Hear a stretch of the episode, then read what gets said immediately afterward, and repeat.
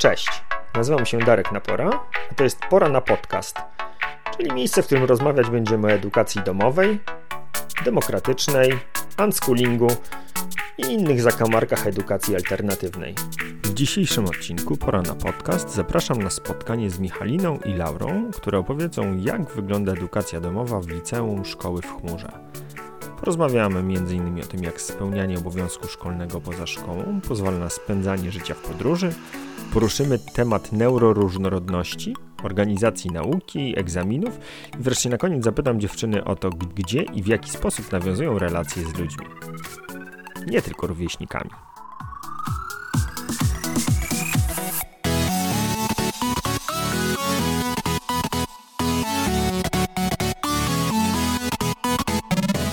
Zatem bardzo Was witam serdecznie. To wyjątkowa sytuacja, bo mam dzisiaj e, po drugiej stronie mikrofonu dwie osoby, a nie jak zwykle e, jedną. E, czy byłybyście gotowe, żeby powiedzieć o sobie dwa słowa? No dobrze, to hej, jestem Michalina, chodzę do trzeciej klasy liceum szkoły w Murze. No i miło być tutaj z Tobą na tym podcaście. Hej. Cześć Michalina. A ja jestem Laura i ja chodzę także do trzeciej klasy liceum w Murze, tylko ja miałam trochę inną drogę z ED, taką, że przez dwa lata chodziłam do stacjonarnego liceum w Murze, a teraz od trzeciego roku jestem już w edukacji domowej, chociaż miałam z nią styczność wcześniej, ponieważ od kwietnia zeszłego roku już pracuję w chmurze, więc wiedziałam w co wchodzę, że tak powiem. Mhm. Dobra, to jest e, super doświadczenie i super wgląd, bo, bo to będzie jeden z tematów, o których chciałbym, żebyśmy pogadali, to znaczy te płynne albo nie takie płynne przejścia z edukacji domowej z powrotem do, do szkoły no może nie, nie systemowej, ale z pewnością stacjonarnej. Czym to się różni? E, jakie, jakie są Twoje wrażenia z jednego i z drugiego układu? Także bardzo fajnie, że, e, że przychodzisz z tym doświadczeniem, bo to myślę jest wartościowa rzecz nie tylko dla e, młodych osób, ale też dla rodziców, no nie? żeby sobie uświadomili, jak to może wyglądać i, i jak ten proces przechodzenia z jednego miejsca w drugie mm, może wyglądać. No dobra, to mamy rozpoczęcie gotowe, natomiast ja mam takie pytanie, które zawsze się pojawia na początku podcastu i które bardzo chciałbym też zadać Wam. Co u Ciebie żywe, a w zasadzie to co u Was żywe? Mm, w jakim jesteście teraz momencie osobiście, edukacyjnie, zawodowo? No po prostu co Was teraz porusza, kiedy budzicie się e, rano i zaczynacie dzień? E, no więc tak, e, tak samo jak Laura jestem e, pracownicą od ponad chyba już pół roku szkoły w Murze, więc jest to na pewno bardzo duża część mojego życia. Spełniam tutaj kilka takich fajnych projektów, bo jestem tak zwanym ogarniaczem biura, więc mm, na pewno jakoś się spełniam w tej roli. Uwielbiam sztukę, to jest tak naprawdę jedyna rzecz, która mnie uspokaja. Kocham ceramikę i sama tworzyć, więc w wolnym czasie, jak mam czas, to coś to coś tam jest budowane przeze mnie, że tak powiem. E, lubię też malować i rysować. Bardzo lubię stawiać sobie różne cele, które potem wypełniam. E, przykładowo właśnie wymiana, z której wróciłam zeszłego czerwca. Teraz e, pracuję nad zwolnionymi z teorii oraz e, nad podchodzeniem do certyfikatu e, C1 z angielskiego, więc to są jakieś takie moje cele, którymi się zajmuję. Jednocześnie jestem wolontariuszką tej samej organizacji, z którą wyjechałam na wymianę.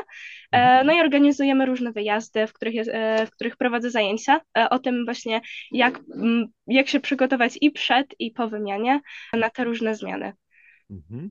Dobra, a y, powiedz mi, a czym to było motywowane? Bo większość osób, kiedy myśli o wymianie, to raczej to jest już taki moment y, albo kiedy kończą szkołę, albo już y, na studiach. Dlaczego ty tak wcześnie wyjechałaś na wymianę uczniowską? Mm, a więc pierwsza sprawa jest taka, że bardzo lubię wyzwania i nigdy mnie nic nie trzymało w Warszawie, bo stąd jestem.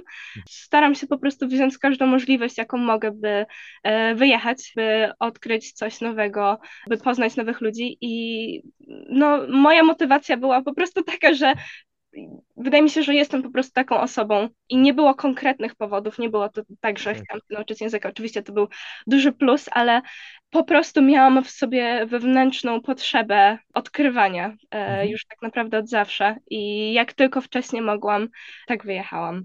Mhm. I... Dobra, a mhm. mogę ci zadać pytanie, a gdzie byłaś na tej wymianie? E, w Stanach Zjednoczonych. Stanach. O, do... I jak długo byłaś w Stanach? E, jeden rok. No to mamy tak podobne doświadczenie, bo ja też byłem przez rok e, w Stanach, tylko ja właśnie w, ostatni, e, w ostatniej klasie liceum mhm. i to w moim przypadku było zdecydowanie formujące doświadczenie. Mhm, zdecydowanie. To no. nie wiem, czy chcesz teraz, ale możemy potem o tym też porozmawiać trochę. No. Ewentualnie właśnie. Słuchaj, e, dawaj teraz, no skoro się ten okay. temat pojawił, to nie ma co go rozczłonkowywać. Mhm. Dobra, Laura, to dasz nam jeszcze chwilę po, podziamgać o wymianie. Dajcie. Mhm. Mm, no dobrze, więc e, właśnie. E, nikt... Ale, dobra, poczekaj, najpierw ja mam pytanie, y, gdzie byłaś? To jest y, totalnie kluczowe, bo wiesz, wyjechać do Stanów to może znaczyć bardzo różne tak, rzeczy. E, tak, a więc mam w Ohio. E, przy Canton. Canton to jest miejscowość, w której został wynaleziony futbol amerykański, więc wokół tego tak naprawdę wszystko się obracało, że tak powiem. No, piękne miejsce, zupełnie inne doświadczenie. E, tak jak właśnie zawsze mieszkałam w dużej miejscowości, jaką jest Warszawa, tak, e, tam mieszkałam w małej miejscowości, nie powiem gdzie dokładnie, bo nie chciałabym, ale gdzieś w okolicach Canton. Dobra, i, powiedz mi, rozumiem, że chodziłaś do amerykańskiego liceum i mhm. mieszkałaś z amerykańską e, rodziną, tak? Dokładnie, tak, zgadza Dobra. się. Dobra. Okej, okay. a kiedy wyjeżdżałaś, jak wyglądał twój poziom e, angielskiego? Miałam dosyć dobry angielski, jeżeli chodzi właśnie o komunikację. Pisać powiedzmy też było ok, ale e, mam jakąś taką umiejętność e, właśnie komunikowania się naturalnie, więc na szczęście z tym nie było dużego problemu, ale zdecydowanie no, poprawiło się to e, po całym roku wymiany. Mm. No dobra, i jakbyś miała tak, wiesz, w trzech punktach podsumować, z czym stamtąd y, wróciłaś i na ile e, te, to doświadczenie edukacji domowej e, było w tym albo wspierające, albo utrudniające. Bo tak, mhm. ja pamiętam, y, że za tych dawnych czasów, kiedy ja byłem mhm. na wyjeździe takim rocznym właśnie, mhm. to mm, największym dla mnie wyzwaniem było to, że kiedy wrócę do Polski, to mam dwie opcje do wyboru. Albo tam skończę szkołę, albo cofam się o rok w nauce e, w polskiej szkole, czyli jakby zostaję rok dłużej. Niektórzy mogliby powiedzieć, marnuję rok. Jak to wyglądało u Ciebie? A więc tak, też miałam taką decyzję. Ja pojechałam w trzeciej klasie liceum, czyli byłam e, tam e, junior year, to się tak mm. nazywa, ta trzecia klasa liceum. E, no i rzeczywiście planowałam wrócić i pójść do klasy maturalnej, ale w związku z tym, że nie chciałam e, na siebie nakładać właśnie tej presji, e, zdecydowałam się powtarzać i właśnie dlatego jestem teraz w trzeciej. No muszę powiedzieć, e, że mocno zmieniła wymiana u mnie, jakby podejście do edukacji samej. Nigdy nie byłam w normalnej szkole, że tak powiem, skończyłam szkołę muzyczną, pierwszy mhm. stopień szkoły muzycznej, potem byłam w prywatnej szkole, potem wyjechałam na wymianę, a teraz jestem w edukacji domowej, więc trochę szkół właśnie poznałam, no i nigdy nie miałam takiego normalnego, że tak powiem, e, spojrzenia e, mhm. na edukację, no ale wyjazd do Stanów uświadomił mnie, jak wiele rzeczy jest złych w jakby całej, samej instytucji szkoły, właśnie tych mhm. wszystkich szkołach publicznych. I wiedziałam, że właśnie wracając nie chciałabym wrócić do tego miejsca, w którym byłam wcześniej i potrzebuję czegoś bardziej niestandardowego, czegoś, co e, pozwoli mi mieć większą wolność. E, na wymianie miałam bardzo dużo możliwości. To jest wszystkie ekstra e, kółka zainteresowań, mhm. mnóstwo różnych sportów, do wyboru, do koloru tak naprawdę. Zajęcia też się samemu wybierało. Nie były one z góry narzucone, więc powiedzmy, jeżeli nie chciałam matematyki, to nie musiałam jej nawet brać przez cały rok. No i e, rzeczywiście potem powracając, nie wyobrażałam sobie siedzieć e, w szkole tylko po to, żeby się uczyć przedmiotów, których e, naprawdę nie lubię, więc e, na szczęście e, moja znajoma, e, która już wcześniej odkryła, że tak powiem, szkołę w murze, opowiedziała mi o tym, zobaczyłam tam zdjęcie na social mediach i z nią porozmawiałam i dzięki temu właśnie trafiłam tutaj, właśnie przez to możliwość rozwoju, hmm. która da, daje mi właśnie edukacja domowa. Hmm. Czyli ty nie postrzegasz tego jako zmarnowany rok? Zupełnie nie. Zdecydowanie. E, mam rok e, większego spokoju i odkrywania siebie. E, wydaje mi się, że powinniśmy odejść od takiego uważania, że trzeba jak najszybciej skończyć szkołę, inaczej jest się nie wiem, nieszczęśliwym człowiekiem, inaczej się nie, nie, jest, nie ma się dużych osiągnięć, moim zdaniem, potrzeba wziąć tyle czasu, ile dana osoba potrzebuje. I e, dzięki temu roku ja nie musiałam się uczyć teraz pod maturę stricte i lecieć po prostu e, na szyję, tylko żeby zdać wszystko, tylko mhm. właśnie mogę się zastanowić nad tym, co chcę robić. E, mogę właśnie pracować tak, jak to teraz robię i zdobywać inne doświadczenia oprócz tych doświadczeń, które e, ma się w szkole mhm. samej. No tak, to jest to, o czym mówisz, to jest takie to y, przekonanie, że wszystko, czego masz się nauczyć, to masz się nauczyć między 6 a 18 rokiem życia, no nie, że musimy, mhm. musimy zmieścić się z programem w roku szkolnym, bo jak nie, to o Matko Boska i wszyscy święci. No dobra, ja jeszcze tylko dorzucę, że y, w mm, amerykańskich y, liceach, ty powiedziałaś o tym, że jeśli zechcesz, to możesz się nie uczyć matematyki wcale. Moje mm. doświadczenie było dokładnie odwrotne. Ja miałem y, algebrę, arytmetykę i jeszcze calculus, wszystko w ciągu jednego semestru mhm. i tych zajęć, jeżeli ktoś sobie wybierze, że chce mieć matematyki dużo, to może uczyć się prawie, że wyłącznie przedmiotów ścisłych. E, tak, tak. E, jeżeli chodzi właśnie o matematykę, to ja wzięłam kurs studyjny, jako właśnie jedyna trzecioklasistka już byłam na AP Calculus BC, czyli tym trudniejszym e, kursie, który mhm. właśnie robi się na studiach w Stanach, więc jeżeli jest większa możliwość, że tak powiem, tego rozwijania się, więc jeżeli ty chcesz, to możesz już zacząć robić materiały, które osoby, inne osoby robią dopiero w przyszłości, dopiero na studiach, więc tak. No dobra, trafiliśmy na, na wspólny kawałeczek, więc żeśmy mhm. dopłynęli. Laura, e, co u ciebie żywe? Myślę, że u mnie jest żywe sporo rzeczy. No, jestem nastolatką, tak, jakby to jest mhm. normalne totalnie w tym wieku. E, bardzo na pewno jakoś żywe są u mnie relacje. Od jakiś trzeci, trzeci rok e, tak naprawdę odkrywam, jak to jest budować relacje i je utrzymywać poza ścianami jednej klasy. Więc to jest na pewno coś nowego, no może dla niektórych trzy lata to nie nowe, ale jest to na tyle trudna rzecz, że jest to cały czas u mnie tak żywe, jak było w pierwszym roku. E, a ostatnio jest bardzo u mnie żywe moja niedawna diagnoza autyzmu, ponieważ nie jestem sześcioletnim chłopcem, tak jak się zwykle kategoryzuje, e, tylko 17-letnią dziewczyną, która dopiero dostała tę diagnozę, więc to jest temat dla mnie bardzo żywy aktualnie i jest tak naprawdę żywy odkąd zaczęłam w ogóle wchodzić i zgłębiać ten temat, ale teraz po tej diagnozie jest jeszcze żywszy, więc tak, to jest u mnie jakoś żywe. Hmm. E, to kolejny dla mnie też bardzo, e, bardzo żywy temat, bo my również w rodzinie mamy dość, e, dość świeżą diagnozę autyzmu. A byłabyś gotowa, żeby się podzielić, jak, jakie to było doświadczenie dostać tę diagnozę i jak to wyglądało dla ciebie w kontakcie z rodziną, w kontakcie z no wiem, instytucją szkoły? Jakie to było doświadczenie? Aktualnie jestem jeszcze w procesie wyrabiania orzeczenia, więc mm. tak naprawdę ze szkołą jeszcze formalności będę załatwiać. No ale jako, że pracuję w chmurze, wiem jak to wygląda i totalnie się tym nie martwię. Wiem, że mamy super zespół i naprawdę u nas super wspierają osoby z kształceniem specjalnym, więc mhm. e, wiem, że to będzie prosta, przyjemna droga na tyle, na ile może być, bo wiadomo, też się wiąże z jakimiś e, wyzwaniami, że tak powiem, zwykle mhm. po prostu takimi jakimiś dokumentami i tak dalej. E, ale jeśli chodzi o jakieś takie personalne czy wyzwania, czy emocje, to e, jest to dla mnie na pewno duży. Hmm, czuję trochę, jakby ktoś ode mnie odjął jakiś kamień, tak, że e, straciłam trochę taki ten syndrom impostora, który się bardzo często ma, że ja wiedziałam niby już wcześniej, że coś jest inaczej, coś. Nie będę używać słowa nie tak, bo to nie jest, że nie mhm. tak, tylko jest po prostu inaczej ja to wiedziałam wcześniej, ale jednak to mi jakoś tak to potwierdziło i jak dostałam tę diagnozę, to siedziałam i po prostu nie mogłam się przestać uśmiechać. To było mhm. jakieś takie super dla mnie, bo to wcale nie było, że jakiś, nie wiem, e, straszny news, że masz autyzm, teraz całe twoje życie jest inne. Nie, ja wiedziałam, jakby ja nadal z tym żyję, e, żyję, żyję żyłam i będę żyła, ale teraz po prostu wiem, gdzie mogę sięgać po jakieś narzędzia, czy gdzie szukać informacji, żeby e, lepiej sobie radzić z rzeczami, z którymi może mam większą trudność niż inni po prostu. Jeśli chodzi o rodzinę, to e, tak naprawdę w sumie nie miałam jakichś złych reakcji. Bardzo neutralne tak naprawdę od większości rodziny, a z moją mamą bardzo na ten temat lubię rozmawiać i um, informować ją czy uczyć e, na temat różnych rzeczy i ona sama jest też chętna się uczyć, więc e, pozytywnie, pozytywnie, że tak powiem.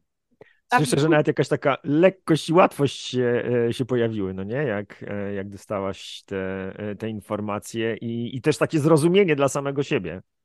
Tak, na pewno. I też myślę, że jak już w ogóle rozmawiamy o tym homeschoolingu, edukacji domowej i tak dalej, myślę, że dużo dłużej by mi zajęło dojście, e, a może nawet nigdy bym nie dotarła, gdybym nie miała trochę tego czasu na eksplorację i tak dalej, e, ponieważ właśnie no, mogę eksplorować różne zakątki siebie, nie tylko te akademickie, tak, więc e, czas mi pozwolił bardzo się zagłębić w to, czym w ogóle to jest, bo jakoś spektrum autyzmu czy w ogóle różne rzeczy związane z psychologią zawsze mnie interesowały i zainteresowałam się właśnie specyficznie spektrum autyzmu i im więcej czytałam, tym więcej rzeczy dla mnie miało sensu. Miałam także, wow, to jest jakby coś, co ja odczuwam i zaczęłam się w to zagłębiać, no i się okazało, że no mam i tak, ta eksploracja pomogła mi odkryć samą siebie, także tak. -hmm. Czad. A powiedz mi, a czy to jest tak, że mm, to, że jesteś w szkole w chmurze i to, że jesteś w edukacji domowej, e, to wpływa na to, w jaki sposób, e, mi się ciśnie na usta słowo radzisz sobie, ale e, pewnie lepsze byłoby, poczekaj, niech znajdę jakieś odpowiednie wyrażenie, w, który przeżywasz po prostu, czy, czy dostajesz wsparcie Mm, w tym, jak, jak obcujesz ze światem, no nie? Z, z osobami, jak wygląda Twoja nauka, czy, czy to, że jesteś w edukacji domowej, w, w jakiś konkretny sposób się przekłada na, nie wiem, na przykład jak wygląda Twój dzień, jak wyglądają Twoje kontakty z osobami w podobnym wieku czy o podobnych zainteresowaniach? Mhm. Zdecydowanie. Ja w ogóle zauważyłam u siebie wielką zmianę psychiczną, odkąd przeszłam ze szkoły systemowej w ogóle do stacjonarnego nawet liceum, a dopiero potem jeszcze na edukację mhm. Domową. W, w ogóle nadal chodzę jakby do centrum spotkań, więc ja mhm. naprawdę mam trochę jakby unikalną sytuację może od innych osób w edukacji domowej, ale tak, na pewno się przekłada na to, jak w ogóle funkcjonuje, jak żyję i po prostu mm, dostałam w szkole w ogóle w chmurze dużo narzędzi, e, jak sobie radzić z różnymi rzeczami, jak sobie radzić z emocjami. E, w siódmej, ósmej klasie miałam bardzo dużo Mm, ja to kiedyś nazywałam atakami paniki, a teraz e, zauważyłam, że to były po prostu ataki zwykłe przebodźcowania, ale nie miałam wtedy na to słów. E, I teraz mogę sobie o wiele lepiej radzić na przykład z takimi atakami przebodźcowania, bo jestem w otoczeniu, które na przykład pozwala mi odejść, wyjść z klasy, czy pójść gdzieś, gdzie nie ma tylu rażących świateł mnie e, czy dźwięków. E, mogę po prostu pójść się uspokoić i nikt na mnie nie będzie krzyczał albo mówił, że co ja robię, gdzie, jak to y, wstaję, czy w ogóle mówienie, mhm. że nie mogę pójść do łazienki, tak?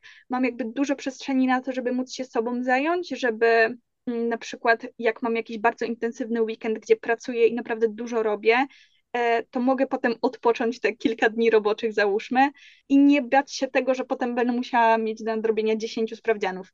E, mhm. Plus jeszcze oczywiście jest ten aspekt takiego bardzo zindywidualizowanego toku nauki, tak, że mm, ja mam przedmioty, które mnie fascynują, interesują i to tak naprawdę na poziomie innym niż te inne przedmioty.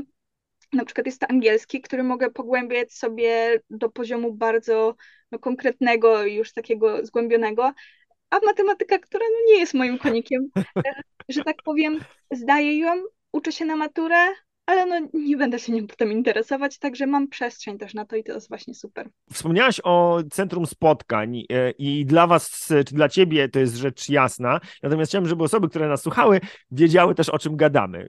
E, mogłabyś jeszcze dwa słowa na ten temat? Co to tak. jest, jak działa? To jest rzecz, która mam wrażenie bardzo się miesza, ponieważ e, szkoła w chmurze jest bardzo duża. W mediach już poszło dużo informacji, że mamy bardzo, bardzo dużo uczniów. E, 12 tysięcy już w tej tak, chwili. 12 tysięcy, tak. Mm, ale szkoła w chmurze ma też kilka jakby dolnych projektów, na przykład już e, zaczyna się od żłobka i przedszkola stacjonarnego. Wiele mhm. osób o tym na przykład nie wie. Mamy też e, placówkę jakąś podstawową. E, I ja tak, ja chodziłam do e, liceum stacjonarnego, pierwsza, druga klasa, które nadal istnieje, nadal funkcjonuje, tylko że teraz od tego roku otworzyliśmy trochę bardziej inny model e, centrum spotkań właśnie, że ja jestem formalnie w edukacji domowej, ale tam nadal przychodzę na wybrane zajęcia i po prostu tam przychodzę, żeby na przykład realizować różne projekty. Chociaż e, też nie wiem, jak będzie z tym nazwą, ponieważ Istnieje w Warszawie jeszcze drugie centrum spotkań, e, które jest już darmowe kompletnie i jest dla wszystkich uczniów edukacji domowej w chmurze. Mogą tam sobie podjechać w dniach roboczych 19-17 przyjść, posiedzieć, pogadać, umówić się z osobami, ale to są dwie różne rzeczy. I Mhm. to e, Centrum Spotkań Darmowych, o którym mówię, jest w Reducie, więc w ogóle jakby ktoś ze szkoły w Chmurze słuchał i nie miał o tym pojęcia, to jest to super sprawa i przyjeżdżajcie, że tak powiem, tak? Socjalizujcie ten no właśnie. Tak, brzydkie słowo na S, do tego jeszcze wrócimy. Tak. Mm, Okej, no dobra, to y, mam już, y, mamy już chyba y, pojęcie o tym, gdzie jesteście w tej chwili, no ale żadna dobra historia edukacji domowej nie obędzie się bez tego pierwszego momentu, czyli tego, jak to się wszystko zaczęło. Żeby nie zanudzać, ale żeby też pokazać tą perspektywę, y, z jakim doświadczeniem wchodziłyście do edukacji domowej. Czy mogłybyście opowiedzieć o tym, gdzie, kiedy, jak, dlaczego e, zdecydowałyście się na edukację domową? I Michaela, może teraz e, tobie przekażę głos. Ja na edukację domową zdecydowałam się zaraz po e, powrocie z wymiany, to lato, w które przyjechałam. E, no i Czyli zostało... to było w zeszłym roku, tak? E, no i y, wróciłam w e, czerwcu e, roku 2022 e, i w sierpniu 2022, czyli miesiąc później, dwa miesiące później, Mhm. e, już byłam przyjęta do szkoły w Murze. E, Więc tak to wyglądało. E, No, y, dlaczego to e, właśnie Trochę dlatego, opowiedziałaś, tak. No. tak, opowiadałam, Mhm. gdzie no, było to, pamiętam, na wyjeździe z moimi rodzicami, no i właśnie też pamiętam, że musiałam ich bardzo mocno jakby przekona, przekonywać, bo nie chcieli się na początku zgodzić, ale to już... E, Dawaj, to jest, to jest zawsze pikantna historia. Co, co, jakie wątpliwości, y, niepokoje rodzice mieli w głowie, a co ty zrobiłaś, że im się te niepokoje i wątpliwości rozpuściły? Mhm, No więc e, pierwszy problem to był właśnie z socjalizacją i jak oni sobie nie wyobrażali, jakie miałabym socjalizować się z innymi uczniami, czy w ogóle z kimkolwiek tak naprawdę. Myśleli, że będę siedzieć cały czas w domu. Pamiętam, że się też stresowali, że nie będę się ruszać, będę tylko siedzieć właśnie e, przy swoim biurku.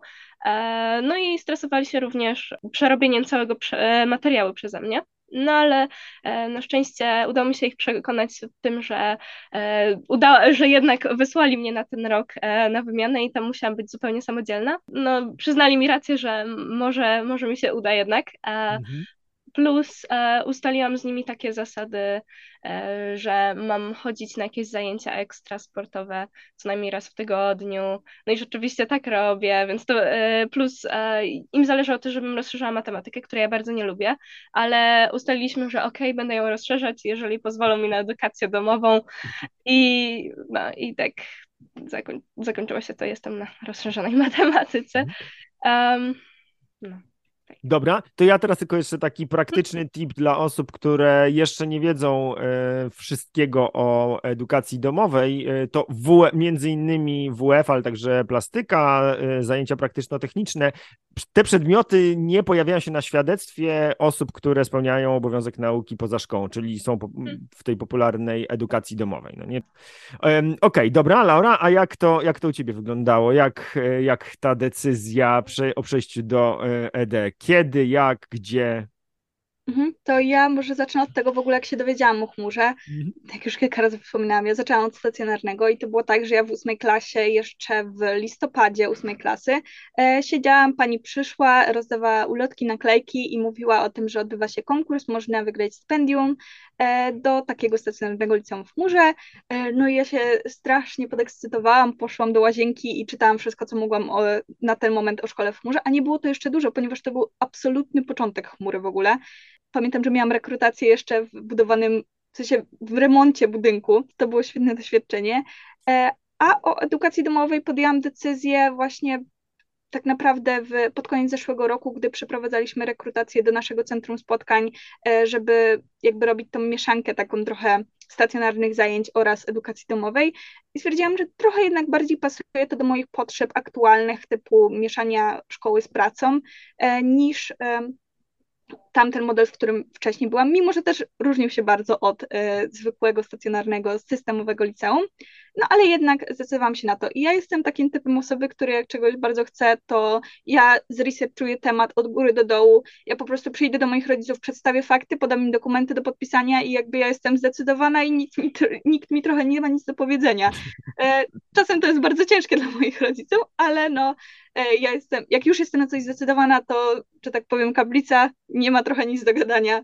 Także ja, mhm. że tak powiem, przyszłam z dokumentami i trzeba było podpisać. Okej, okay. a jaka była reakcja twoich rodziców na e, ten plik dokumentów, który im przyniosłaś? Myślę, że teraz no już była o wiele lepsza niż była wcześniej, no bo na początku, kiedy w ogóle jeszcze nie było informacji tak naprawdę i ta szkoła w ogóle jeszcze nie ruszyła, tak, to był pierwszy rok jej funkcjonowania, e, no to to było trochę inna historia. Ja w ogóle nie wiem, ja się niczym nie martwiłam, ja chciałam tam po prostu iść, to brzmiało jak moje marzenie. Oni mieli jednak trochę obaw, ale no myślę, że właśnie to było związane z tym, że po prostu ta szkoła dokładnie jeszcze nie istniała tak naprawdę. Mhm. A teraz już, jak przeszłam na edukację domową, ja już pracowałam w chmurze, ja im mogłam podać naprawdę sporo informacji, także ta zmiana już dla nich nie była w ogóle szokująca, że tak powiem. Mhm. Dobra, ale wiesz co, bo y, ja jestem przekonany, że sporo osób, które są w przededniu y, przejścia do edukacji domowej, mogą chcieć się przygotować do rozmowy z rodzicami. Czy pamiętasz, jakie to były dokładnie obawy, które mieli wtedy twoi rodzice? Co jakoś było taką rzeczą, która ich y, niepokoiła i jak udało ci się to, to zaadresować? No nie?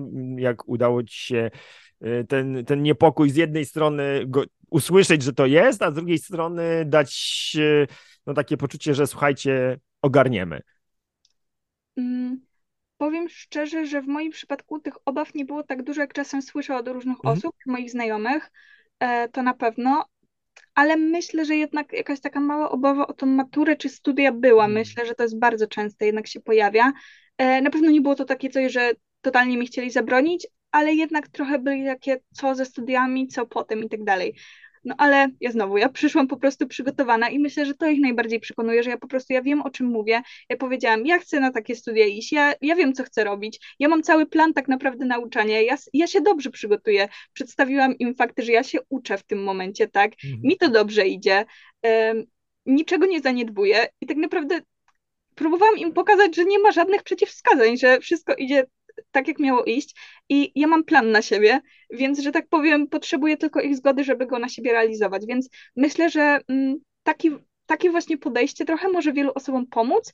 E, i zresztą ileś osób, z którymi pisałam o przejściu na edukację domową, e, też właśnie mówili, że przyszli przygotowani, że tak powiem, na tę rozmowę, e, przedstawiali różne, różne rzeczy i sami zauważyli, że to u ich rodziców jakoś tak pozwoliło im trochę spokojniej do tego podejść, że oni widzieli, że ich dziecko się przygotowało do tego, że chce tego, tak, że jakoś im na tym zależy i wiedzą, w co wchodzą przede wszystkim i że ewentualnie im mogą pomóc właśnie z jakimiś obawami, które się pojawią.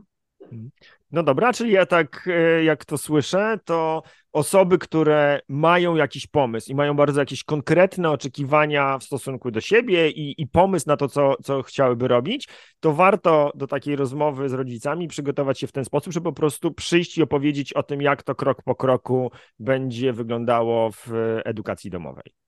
Tak, myślę, że to jest bardzo dobry sposób. Mhm. Michalina, no, a czy ty też masz taki gotowy plan na najbliższe e, półrocze, rok i dwa lata? Może aż tak daleko dokładnie nie mam, ale zdecydowanie e, są jakieś tam pomysły i plany. No i rzeczywiście, jakby przechodząc do nauczania domowego, no, przedstawiłam rodzicom, rodzicom plan swojej nauki, mniej więcej właśnie roczny, co chcę na początku, co, co chcę na końcu.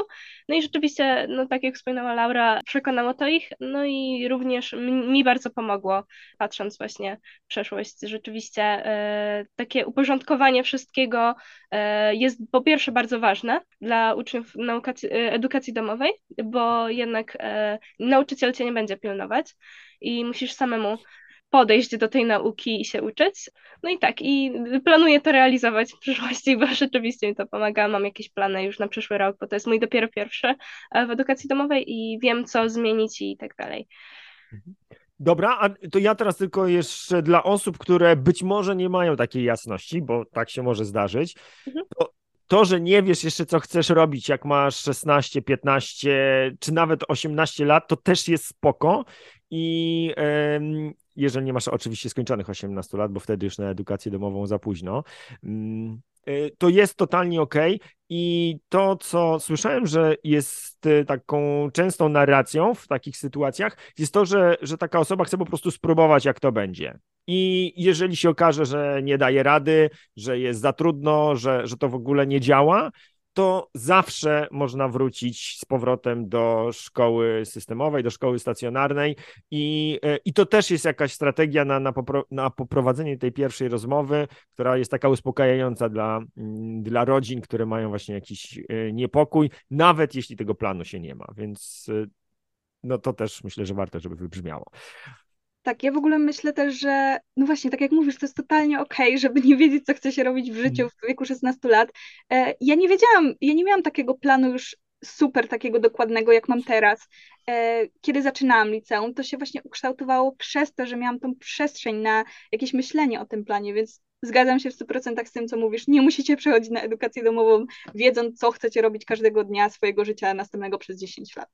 Tak, no to, to fajnie, że to wybrzmiało, bo bardzo szanuję to, jak konkretne i, i takie wyobrażone są e, te, e, te, te wasze plany.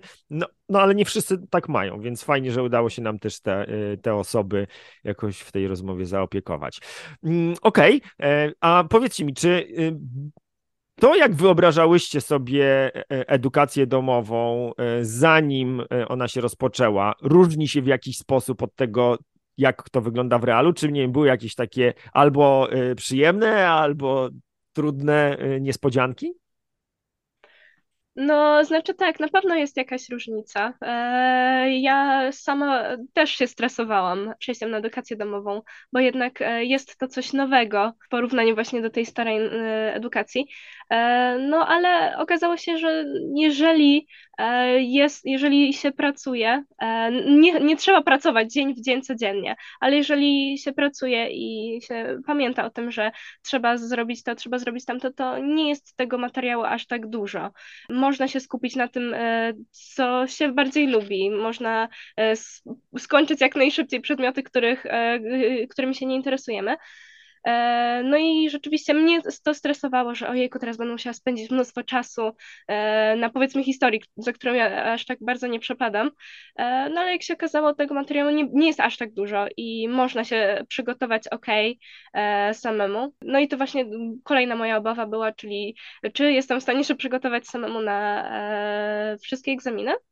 I w, w, moim przypadku no, było to możliwe i jakoś sobie daję radę z nimi wszystkimi, ale wiem też, e, znam osoby z edukacji domowej, które po prostu e, chodzą na ekstra korki z jakimiś tam nauczycielami, e, żeby móc po prostu rozwijać jakieś, e, jakąś wiedzę na temat przedmiotu, e, z którym mogą mieć problem nauczyć się samemu. Plus nasza szkoła, e, właśnie szkoła w Murze, organizuje takie zajęcia online, w którym można się spotkać z nauczycielem i popytać się na, o konkretne pytania. No i e, teraz tak patrząc po prawie roku już bycia na tej edukacji domowej, e, nie jest to, jest to 100 razy mniej stresujące niż myślałam, że mhm. będzie. I mam bardzo dużo czasu. Nie spodziewałam się, że będę miała aż tak dużo czasu, ale udaje mi się pracować na pół etatu w, właśnie tutaj w biurze. E, mam też czas rozwijać swoje jakieś inne zainteresowania i uprawiam sport, e, więc jest naprawdę fajnie. Tak. Spoko. Sport się pojawia już drugi raz, więc zaraz, zaraz się mhm. o, o to dopytam, jak mhm. będziemy gadać o mm, strukturze dnia, tygodnia i, mhm. i jak, jak to wygląda w edukacji domowej, ale jeszcze chciałem Laurze dać głos, żeby powiedziała o tym, jak e, się, czy i jak się różniły wyobrażenia edu o edukacji domowej od rzeczywistości edukacyjno-domowej. Jasne.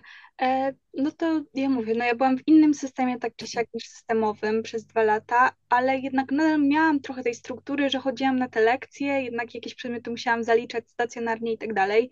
E, a teraz jak przeszłam właśnie od tego roku na tą edukację domową, to nagle mi się zwolniło bardzo dużo czasu i jakby nie miałam tego takiego obowiązku, że muszę chodzić, żeby zaliczyć jakiś przedmiot, tylko zdaję ten egzamin.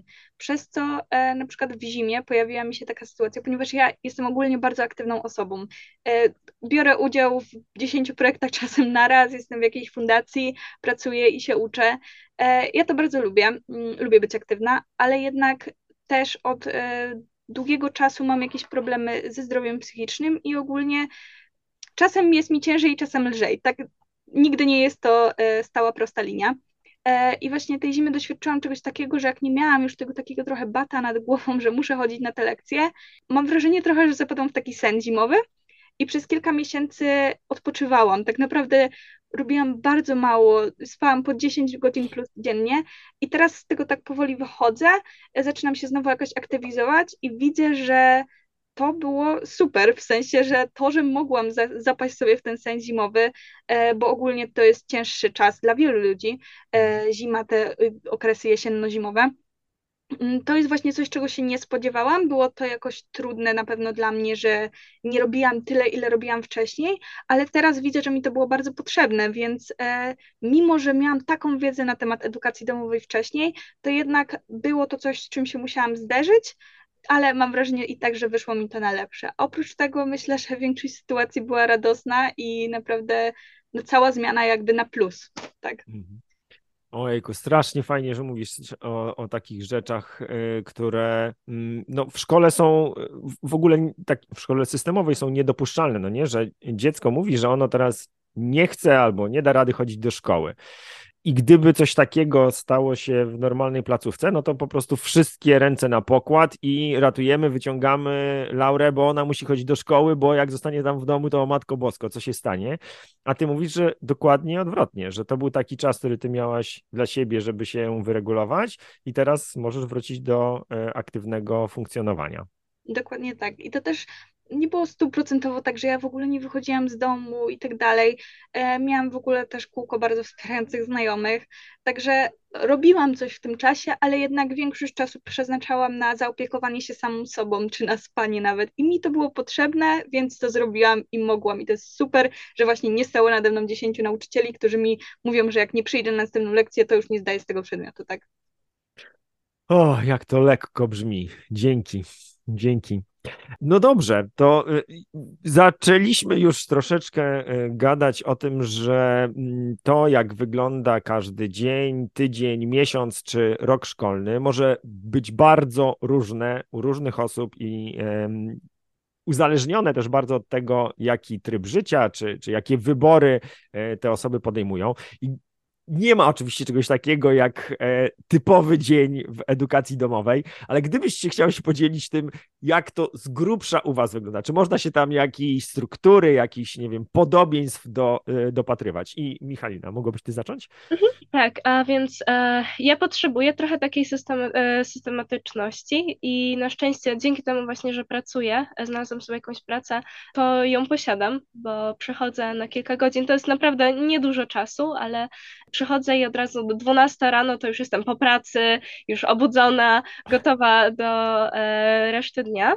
Więc e, to jest, mm, więc no, budzę się rano, idę do pracy, wracam sobie z pracy, e, mam czas, żeby też odpocząć, uczę się i jeżeli mogę, to właśnie idę sobie na jakieś zajęcia, e, bo jestem zapisana na siłowni i sobie chodzę na jogę czy na pilates, tego typu sprawy. Dobra, poczekaj, czekaj, czekaj, zanim pójdziesz dalej, bo użyłaś eufemizmu takiego, który jest przynajmniej niejednoznaczny. Budzę się rano. Co to znaczy? Budzę się rano. E, no, budzę się około godziny 6 rano. Zwariowałaś? Możesz się budzić o której chcesz i budzisz się o 6 rano, no come on! A, znaczy, żeby nie było, e, przez pierwsze parę miesięcy rzeczywiście e, nie miałam pracy e, i sama sobie ustalałam dzień i wtedy szłam, budziłam się wcześniej, w sensie później, później, później, mhm.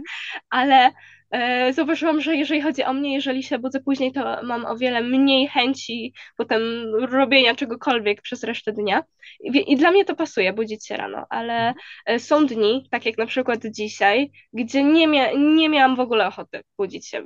Chciałam zostać w e, domu dłużej i przyszłam sobie, obudziłam się tam bliżej ósmej, to i tak wiem, że jest dosyć wcześnie, ale e, tak, mi to pasuje, ale właśnie no, to warto też wspomnieć, e, jak jest się na edukacji domowej, to można się samemu dobrać do swojego stylu życia, tą naukę. I tak jak mi pasuje to, w jaki sposób powiedzmy świat teraz działa, czyli budzenie się wcześnie rano, szósta, e, bycie w pracy e, o ósmej, czy tam w szkole o ósmej e, i rozpoczęcie dnia, e, to wiem, że wielu osobom to nie odpowiada i ktoś potrzebuje tych kilku kilku godzin rano, żeby dojrzeć i żeby e, móc e, jakby mieć chęć e, wstania z łóżka i to też jest ok. E, I edukacja domowa daje taką możliwość. Ja z, próbowałam i mi to nie pasowało, e, ale teraz już wiem. E, więc, więc tak, już zdecydowanie odkrywam siebie i mhm. to, co mi pasuje, a co nie, właśnie metodą prób i błędów. No i to jest, to jest po prostu tak gigantyczna wartość, że, że mm. masz możliwość sama to sprawdzić i nie jest tak, że jest jeden sposób na to, e, jak zorganizować swój dzień i dla jednych, tak jak powiedziałaś, wstawanie poranne jest super i działa, a innym w ogóle nie działa i wolą, wolą później. Dzięki. E, no, zróbmy teraz przerwę i e, Laura, jakbyś ty powiedziała, jak, jak wygląda ten twój morning routine? Masz jakąś taką strukturę poranka, czy strukturę dnia, tygodnia? Mm, no to tak, tak jak oczywiście wspominałeś, e, rzadko każdy dzień wygląda tak samo. Mhm. E, nie mam takiego planu lekcji, jak jest normalnie. E, jednakże wstaję jakoś tak, załóżmy rano. Rano dla mnie to jest bardziej ósma niż szósta, ale też, też jakoś wstaję. Zauważyłam ostatnio, że wstaję bardziej naturalnie o tej ósmej, ponieważ znowu mówię, zaktywizowałam się, zaczęłam robić więcej rzeczy, musiałam wstawać trochę wcześniej i teraz już mi trochę to weszło w taki nawyk, że tak powiem.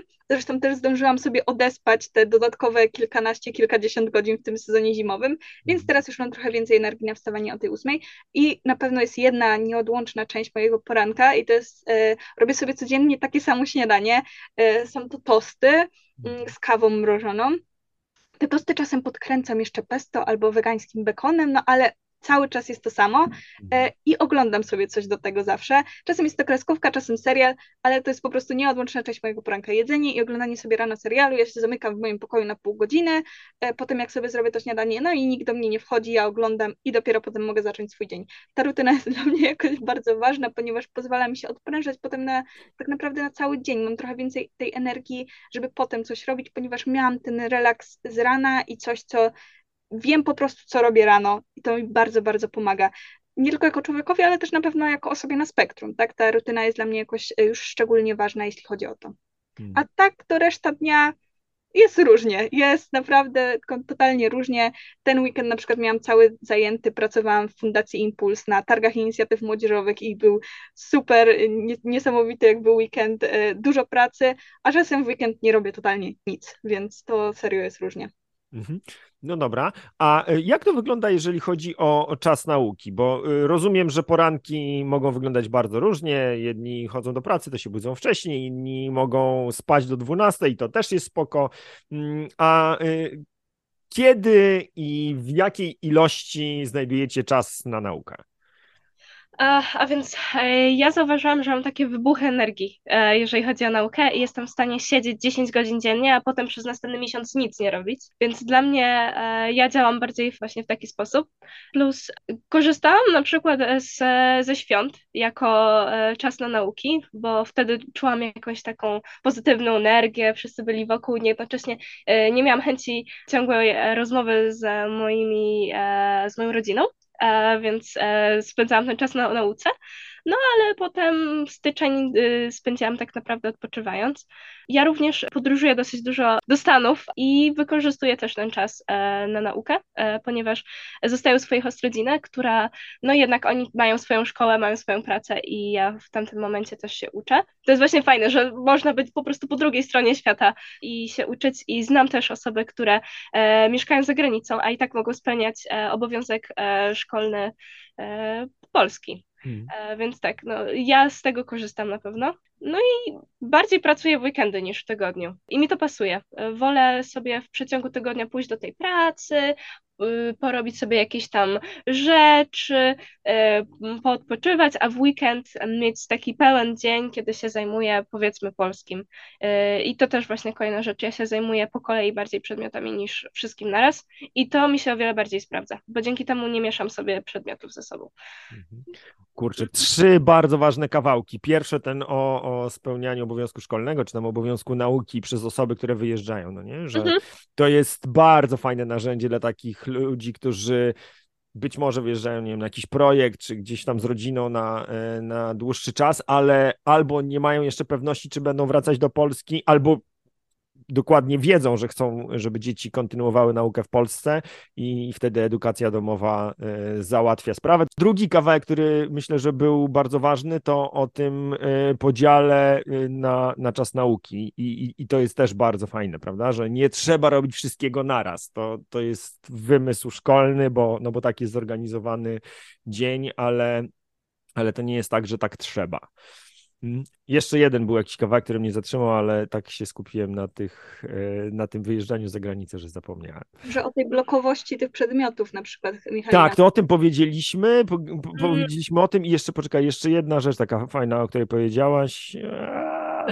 Nie wiem, mam te wybuch, może o tych wybuchach, wybuchach energii, o uczeniu się albo o uczeniu się ten e, w wolnym czasie. A... a, wiem, o, chodziło mi o te, mm, o podział y, na czas odpoczynku i czas pracy, no nie? Że e, powiedziałeś, że pracujesz w weekendy, czyli e, rozumiem, że nie masz Mondays w niedzielę po południu i napięcia związanego z tym, że o Jezu, Jezu, na poniedziałek muszę przygotować wypracowanie i klasówka z matematyki. Zupełnie nie, zupełnie nie.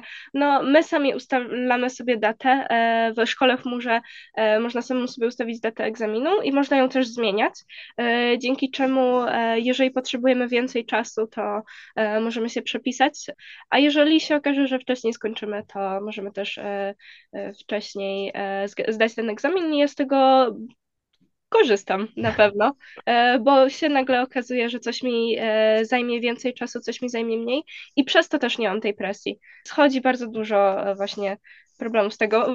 To tak w ogóle też powiem, że mój pierwszy egzamin, jaki pisałam, pisałam w listopadzie, e, już na początku listopada, albo może to był jeszcze październik, nawet nie pamiętam. E, I był to egzamin z angielskiego, który pisałam w Stanach Zjednoczonych, bo wtedy akurat byłam na wyjeździe i mhm. dzięki temu, e, że mam możliwość pisania tych egzaminów online, nie musiałam jeździć gdzieś tam w Polsce, w Warszawie. Mhm. No i tak. No, było to niesamowite, na pewno. Dobra, czyli znowu, żeby przełożyć to na takie um, rzeczy, które będą zrozumiałe dla osób, które jeszcze nie wiedzą, jak wygląda edukacja domowa. Z przedmiotów różnych, w zależności od roku nauki, e, zdaje się jeden egzamin rocznie, z tym, że to nie jest tak, że te egzaminy wypadają w jakimś jednym terminie, tylko każda osoba może sobie zdecydować o tym, kiedy będzie zdawać egzamin i może na przykład y, zdarzyć się tak, że w styczniu albo w lutym zaliczy już wszystkie egzaminy z danego roku i do września ma 8 miesięcy wakacji. Dokładnie, tak jest. Dobra. Laura, jak to wygląda u ciebie? Kiedy się uczysz? Czy się uczysz y, w kawałkach? Robisz sobie szkołę w domu, czy jakoś zupełnie jeszcze inaczej? E, zaraz odpowiem najpełniej, jak będę potrafiła na to pytanie, ale jeszcze chciałam wrócić trochę do tego podróżowania, ponieważ tak trochę z poziomu pracownika chciałam powiedzieć, że no formalnie oczywiście trzeba mieć adres polski mhm. i jest to dla nas jakoś bardzo ważne i też warto nie kłamać w szkole, w której się jest, tak, że się gdzieś nie mieszka czy mieszka, czy w ogóle super zaletą oczywiście edukacji domowej jest to, że można podróżować i tak dalej, ale jednak chciałam wspomnieć o tym, że ta formalność jest, że trzeba w tej Polsce mieć ten adres zamieszkania, więc to chciałam tak tylko sprostować, bo mnie to jakieś zawsze takie małe rzeczy mhm. jakby ten zastanawiają, ale tak, to jeśli chodzi o... Tak, no szczególnie teraz, prawda, kiedy tak. są te ograniczenia dostępie do, e, do szkół. No ale dobra, e, to tak. formalności, jak już ktoś zdecyduje, to, to będzie sobie wtedy rozkminiał, bo te przepisy to też jest ważne, zmieniają się dość dynamicznie, więc teraz są jakieś, a za parę lat może się okazać, że będą zupełnie inne, więc e, myślę, że dzisiaj nie ma, nie ma powodu, żebyśmy się nad tym jakoś strasznie zastanawiali. Zatem, jak to wygląda w praktyce? W praktyce to wygląda tak, że stuprocentowo uczę się, jakby e, uczę się nawet dość, powiedziałabym, często, chociaż hmm, często, no dla każdego e, znaczenie słowa często jest różne, mhm. mm, ale ja trochę od, różnie traktuję uczenie się do matury, a uczenie się do egzaminów, te, które zdaję jakby rocznie.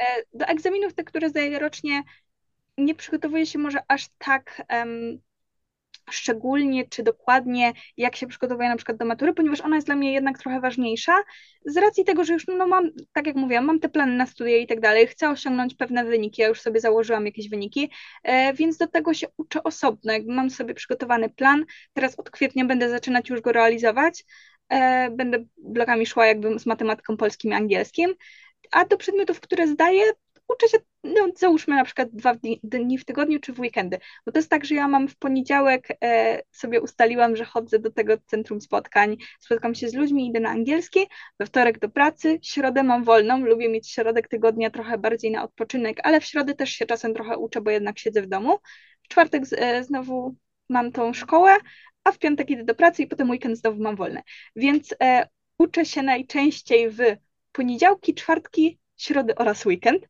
Także. Mhm. Dobra, a gdybyś miała tak, wiesz, w jakichś mierzalnych jednostkach opisać, ile e, to tobie zajmuje tygodniowo, jak sądzisz, ile godzin e, poświęcasz na naukę?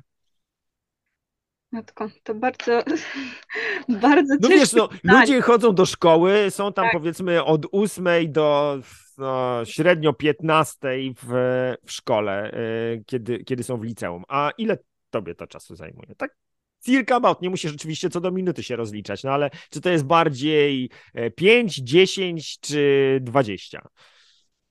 Myślę, że to jest od kilku do kilkunastu godzin.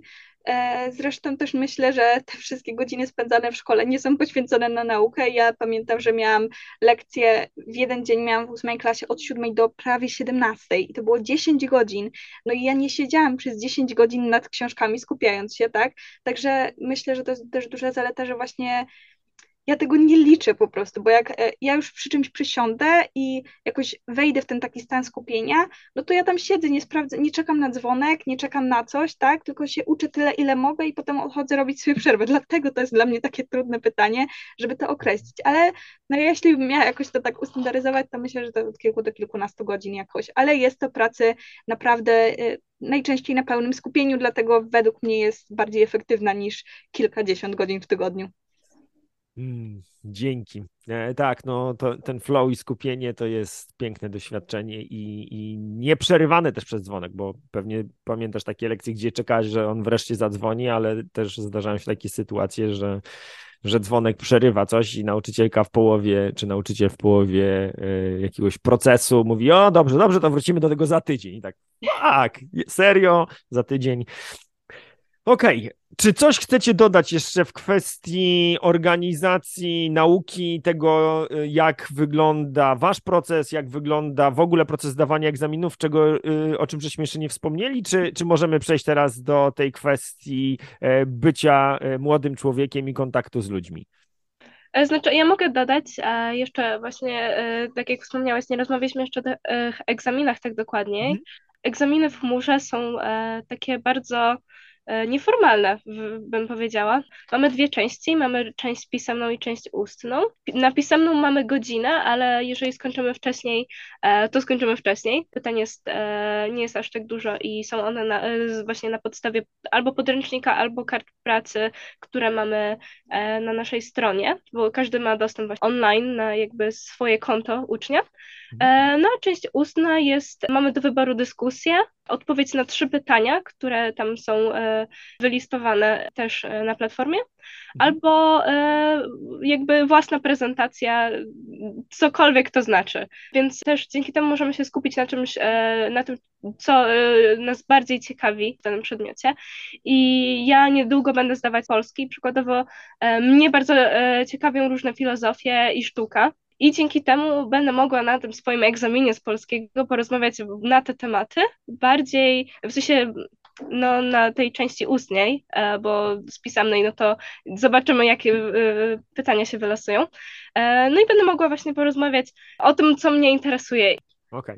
Okay. Dobra, ty, ty, powiedziałaś, zaraz Laura, dam, dam ci zabrać głos, tylko chciałem nazwać to, że to może być tak, że wybierasz do tej części ustnej taką formę, która najbardziej ci odpowiada, mhm lub możesz po prostu wybrać taką, która jest dla ciebie najmniej stresująca. Jeżeli w ogóle żadna ci nie pasuje akurat na danym przedmiocie, to po prostu wybierasz to, co jakoś najmniej cię będzie obciążało. Dla jednych osób to może być taki monolog, czy, czy jakaś forma prezentacji, a dla innych to, że jak najszybciej, jak najprościej chcą odpowiedzieć na pytania, które ktoś tam im zada i, i to też jest spoko, no nie? Bo to nie jest tak, że każdy przedmiot musi być dla ciebie jakoś super fascynujący i chcesz się w nim pokazać w całej swojej krasie, tylko chcesz, e, chcesz to mieć jak najszybciej z bani e, i, i, i jest na to przestrzeń. Mhm. Laura, coś chciałaś tutaj dorzucić jeszcze w tym kawałku? Tak. E, jeszcze chciałam dorzucić to, że w ogóle dodaliśmy ostatnio trzecią nową formę zdawania egzaminów. I to jest mhm. coś bardziej w stylu takiej konwersacji, czyli przychodzisz e, z danym jakimś tematem i nauczyciel może ci zadać jakiekolwiek pytania do tego tematu, więc no my, każdy z nas ma jakieś takie zajawki, załóżmy, e, dobra, no nie podam chyba przykładu teraz z głowy, ale nie wiem, interesuje cię super geografia i interesuje cię specyficznie, nie wiem, jakaś skały, cokolwiek, przychodzisz, ja chcę rozmawiać o skałach i nauczyciel ci zadaje te pytania o skałach i według mnie to jest super, bo to jest taka jakaś fajna po prostu forma zdawania egzaminu, taka mhm. trochę nieszkolna, a jednocześnie naprawdę możesz podzielić się dużym kawałkiem wiedzy, nawet czymś, czego nauczyciel może nie wiedzieć, bo mhm. wiadomo, nie da się być ekspertem na każdym, e, w każdym temacie. Jeszcze chciałam dodać, że fajną rzeczą mm, w tych egzaminach czy uczeniu się i w ogóle jest to, że możemy korzystać z wielu różnych źródeł, tak, że nie mamy podręcznika jednego poleconego przez nauczyciela, w sensie my mamy pod, polecane. polecane tak, podręczniki, ale możemy korzystać z internetu, który jest po prostu tak naprawdę nieskończoną kopalnią wiedzy, możemy korzystać z jakichś różnych platform, nie tylko szkoły w chmurze, e, filmików, jakichś e, artykułów i tak dalej i to też jest super. Dzięki, dzięki za to uzupełnienie. Tego nie wiedziałem, szczerze mówiąc, także przygotowany niby do rozmowy, a e, dostałem niespodziankę. E, dobra, no to e, słuchajcie, e, pora w takim razie na e, część najbardziej kontrowersyjną edukacji domowej. Troszkę już uszczknęliśmy rąbka tajemnicy o tym, że Mm, jak się jest w edukacji domowej, to nie znaczy, że się siedzi cały czas e, w domu. E, Michalina, ty nawet e, twierdzisz, że edukacja domowa jest narzędziem do tego, żeby głównie nie siedzieć w domu i podróżować. Gdybyście mogły opowiedzieć o tym, jak wygląda życie społeczne człowieka w edukacji domowej? Czy da się nie być odludkiem zamkniętym w czterech ścianach, kiedy spełnia się obowiązek nauki poza szkołą? A więc moim zdaniem zdecydowanie. E, ja dzięki temu, że mam e, właśnie mnóstwo ekstra czasu. E, mam też energię, e, żeby spędzić czas e, z innymi ludźmi i dzięki temu właśnie mogę być wolontariuszką w tej swojej organizacji, mogę jechać na wyjazdy, tam dostępna. Mam super grafik właśnie przez to, że to ja decyduję, kiedy się uczę, mogę się dopasować do innych osób. No, mam duże pole do popisu, że tak powiem i mogę się pozapisywać na wiele rzeczy i właśnie też e, konkretnie Szkoła w Murze ma dla nas e, takie fajne miejsce, które jest centrum spotkań i dzięki temu, że e, żyję w Warszawie, mieszkam w Warszawie, e, mogę też pojechać tam zawsze i się pointegrować. E, dodatkowo no, e, Szkoła w Murze organizuje różne wyjazdy dla nas. Pierwszy to był właśnie integracyjny we wrześniu, dzięki któremu poznałam dużo osób, które też właśnie mieszkają w Warszawie, z którymi mogę się spotkać oraz niedawny w styczniu styczniu wyjazd liderów, na który mógł się każdy dostać. No i mi się udało, właśnie Laurze też, się poznałyśmy tam lepiej na tym wyjeździe, no i nadal utrzymuję kontakty z tymi ludźmi, który, którzy, których tam poznałam. No i właśnie też stworzyły się jakieś mniejsze grupki, które się zajmują różnymi rzeczami, bo mamy nareszcie ten czas, mam mnóstwo czasu i dodatkowo mamy też narzędzia, żeby coś zmieniać. I w tym momencie wiem, że dużo uczniów e, właśnie z tego wyjazdu liderów e, organizuje miejsce spotkań w Krakowie, które jeszcze e, nie istnieje, ale są już plany i rzeczywiście to idzie do przodu. Ja mam teraz czas i założyłam właśnie dla klubu, dla, tego wyjazdu liderów założyłam klub książki, którym właśnie jestem liderką i e, prowadzimy co trzy, do, e, co trzy tygodniowe spotkania, w których e, omawiamy książkę, którą sami sobie wybraliśmy, więc ja mam bardzo duże pole do popisu, jeżeli chodzi o e, kontakty międzyludzkie i co więcej, nie ograniczam się na kontakty tylko z moimi rówieśnikami, bo jestem zdania, że przeceniamy trochę e, same kontakty z ludźmi w naszym wieku, chociaż są one bardzo ważne. E, możemy się wiele nauczyć od osób młodszych czy starszych od nas i mam teraz o wiele więcej czasu i możliwości, żeby poznać osoby starsze ode mnie i właśnie nie czuć tej takiej bariery, której nas nauczyła E, szkoła, że nauczyciel albo osoba dorosła jest od nas ważniejsza, e, ma nad nami jakąś taką moc i tak dalej, tylko właśnie e, no, uczę się tworzyć ten kontakt właśnie przyjacielski, że nie ma to dla mnie znaczenia, że ktoś jest ode mnie 10, 20, 50 lat starszy, mogę z nim porozmawiać na równi. I, i tak, no, jest to niesamowite i zdecydowanie zmieniło moje podejście do życia. E, I dzięki temu też, e, choć brzmi to dziwnie, czuję się bardziej przygotowana na przyszłość i na e, niewiadome e, teraz niż e, jakbym była w normalnym nauczaniu, bo nauczanie domowe to też jest właśnie nauka o tym, jak żyć samemu. Musisz się samemu przygotować, musisz samemu coś zaplanować, musisz samemu jakby mm, wyjść z inicjatywą i się z kimś spotkać, coś zrobić. I to jest, to jest bezcenne, naprawdę. I wydaje mi się, że nieporównywalnie więcej e, możliwości mam ja, niż ktoś, kto musi iść do szkoły i męczyć się nad przedmiotami. Mhm. Więc e, dla mnie, jeżeli chodzi o socjalizację, było rzeczywiście na początku trudno, e, bo nie wiedziałam, jakie mam narzędzia, ale z czasem, jeżeli, szczególnie jeżeli ma się jakiegoś znajomego albo e, się przeszuka internet, że tak powiem, e, można znaleźć sposoby, żeby e, mieć super kontakty z ludźmi. Ty powiedziałeś, że w edukacji domowej lepiej przygotowujesz się do życia niż e, ma to miejsce w szkole. Ja bym nawet powiedział, że po prostu już teraz żyjesz e, tak, tak jak to wygląda w rzeczywistości, a nie w tej takiej zaaranżowanej na potrzeby uczniów przestrzeni, jaką jest szkoła, gdzie ma się kontakt głównie z osobami, z którymi łączycie tylko to, że urodziliście się w mniej więcej tym samym roku. Dokładnie, dokładnie. No. E, tak. Laura, a jak u ciebie z e, kontaktami z ludźmi? Mm, wybierasz, żeby je mieć, wybierasz, żeby ich nie mieć i jak to wygląda u ciebie? E, na pewno wybieram, żeby je mieć. Mam ich, powiedziałabym, zdecydowanie więcej niż miałam w każdej klasie szkoły systemowej. E, pierwszy raz tak naprawdę mam aż takie dużo kółko znajomych i aż takich serdecznych naprawdę bliskich przyjaciół, ponieważ właśnie nie jestem zamknięta w tych czterech ścianach, gdzie mam wybór, załóżmy, pomiędzy 30 osobami, załóżmy, tak? E, tylko, no jak u nas jest w szkole kilkanaście, załóżmy, tych tysięcy osób, ja mogę się przyjaźnić ze wszystkimi kilkunastoma tysiącami, albo sobie wybrać kilka osób spośród tych e, kilkunastu tysięcy. Może słowo wybrać to nie jest zbyt e, dobre, ale jakoś połączyć się e, z tymi osobami, że mogę szukać na podstawie jakichś wspólnych zainteresowań, wspólnych pasji, mm, wspólnego trybu życia, a nie właśnie tak jak mówisz, na podstawie wspólnego rocznika.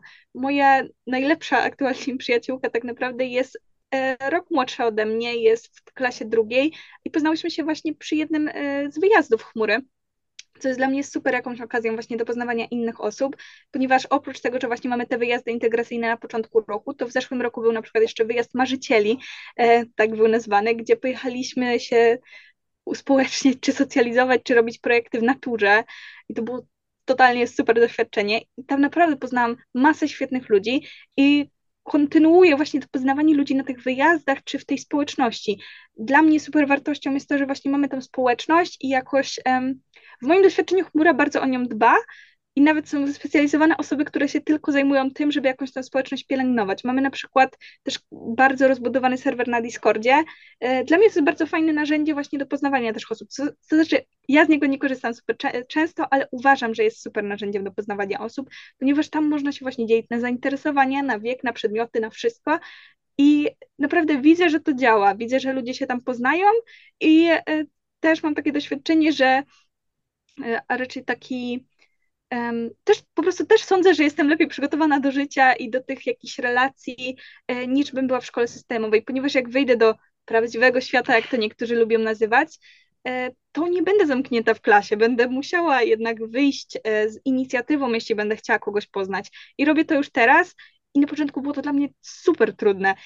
Takie wyjście i porozmawianie z kimś nie na bazie tego, że siedzimy w tej samej ławce, jest bardzo stresujący na początku, ale im dłużej już w tym siedzę, im dłużej to robię, im więcej nabieram doświadczenia, jest to dla mnie łatwiejsze, przez co właśnie też czuję, że jak wejdę już w to dorosłe życie, nie będę miała z tym problemu, a gdybym tego teraz nie robiła, czuję, że naprawdę byłoby mi ciężko po prostu. Chciałbym, żebyśmy powoli sumowali i dopływali do portu. Czy jest jeszcze jakiś kawałek, o którym nie wspomnieliśmy, a który uważacie, że warto by było e, zaznaczyć? Wiem, że nie, wszyscy, nie, nie, na wszystkie pytania udało się nam odpowiedzieć, ale też e, no nie chciałbym, żeby, żeby nasza rozmowa trwała trzy godziny, więc z szacunkiem dla czasu osób, które nas słuchają i naszego wspólnego, ostatnie, ostatnie komentarze. Z czym chciałybyście, e, żeby nasi słuchacze zostali? Że jeżeli zdecydujecie się e, na edukację domową, chciałabym, żebyście się nie stresowali po prostu. Nawet jeżeli jest to przytłaczające na samym początku, tak samo, chociaż mamy tutaj super historie niesamowite i dla mnie, i tak jak wspomniała Laura, był, początki są trudne i za, prawie zawsze będą. I nie chciałabym, żeby to wybrzmiało tak, że teraz e, mam idealne życie, e, albo i że przyszło mi edukacja, edukacja domowa przyszła mi o tak o, musiałam się nauczyć, ale to jest ok i dajcie sobie czas i mam nadzieję, że będzie dla Was to też niesamowita przygoda. A jeżeli nie, to też jest ok. E, możecie wrócić do normalnej e, szkoły i to nie znaczy, że coś jest z Wami złego. Możecie osiągać e, swoje cele też w inny sposób. Po prostu edukacja domowa to jest jedno z różnych e, ścieżek, jako, jakie możecie wybrać w życiu. Szkoła jest jedną opcją, edukacja domowa jest inną opcją A, i nie jest tak. tak. że jedna z nich jest dobra albo zła. Dzięki, Dokładnie. że to powiedziałaś. Mhm. Mhm. Laura, a coś, e, z czym ty chciałabyś e, zostać usłyszana na koniec? No ze mną właśnie najbardziej rezonuje ta rzecz, którą poruszyliśmy tak naprawdę przy samym końcu, czyli to dorosłe życie i to przygotowanie do dorosłego życia, ponieważ we mnie się bardzo dużo pojawia złości, jak czytam komentarze typu, że no a potem pójdzie na studia i zobaczy jak to jest, czy tak dalej. I naprawdę to by nie mogło być e, dla mnie przynajmniej dalej od prawdy, dlatego że ja nie mogłabym pracować, ja nie mogłabym tylu osób poznawać i tak dalej, gdybym nadal siedziała w szkole systemowej i po prostu denerwuje mnie to, że ktoś myśli, że ja nie jestem przygotowana tylko na bazie tego, w jakiej szkole się uczę, e, gdy ja naprawdę wiem i czuję i mogę naprawdę całe CV sobie już napisać teraz z wieloma różnymi doświadczeniami, a on mówi, że no, no nie, no bo jestem w takiej szkole, a nie innej. Także tak, bardzo bym chciała za, e, zakończyć z tym, że ta stygma to jest jedna z największych, którą chciałabym przełamać i przełamywać dalej, że ja jestem gotowa jestem nawet bardziej gotowa niż byłabym w innym wypadku. No mam nadzieję, że między innymi nasza rozmowa e, pozwoli tym osobom, które postrzegają edukację domową jako takie zamknięcie i wyjęcie młodego człowieka ze świata, zmienić, e, może przełamać, tak jak powiedziałaś. No dobra, wielkie, wielkie dzięki za, e, za rozmowę. Bardzo to było fajne doświadczenie. Dzięki. Dzięki również. Dzięki za wysłuchanie kolejnego odcinka Pora na podcast. Jeśli uważasz, że był wartościowy, cenny, ciekawy, to zachęcam Cię do udostępnienia go. Jeśli masz jakieś pytania, wątpliwości dotyczące edukacji domowej albo któregoś z tematów, który poruszaliśmy w odcinku, to zapraszam Cię do kontaktu. Mój adres znajdziesz w opisie tego odcinka.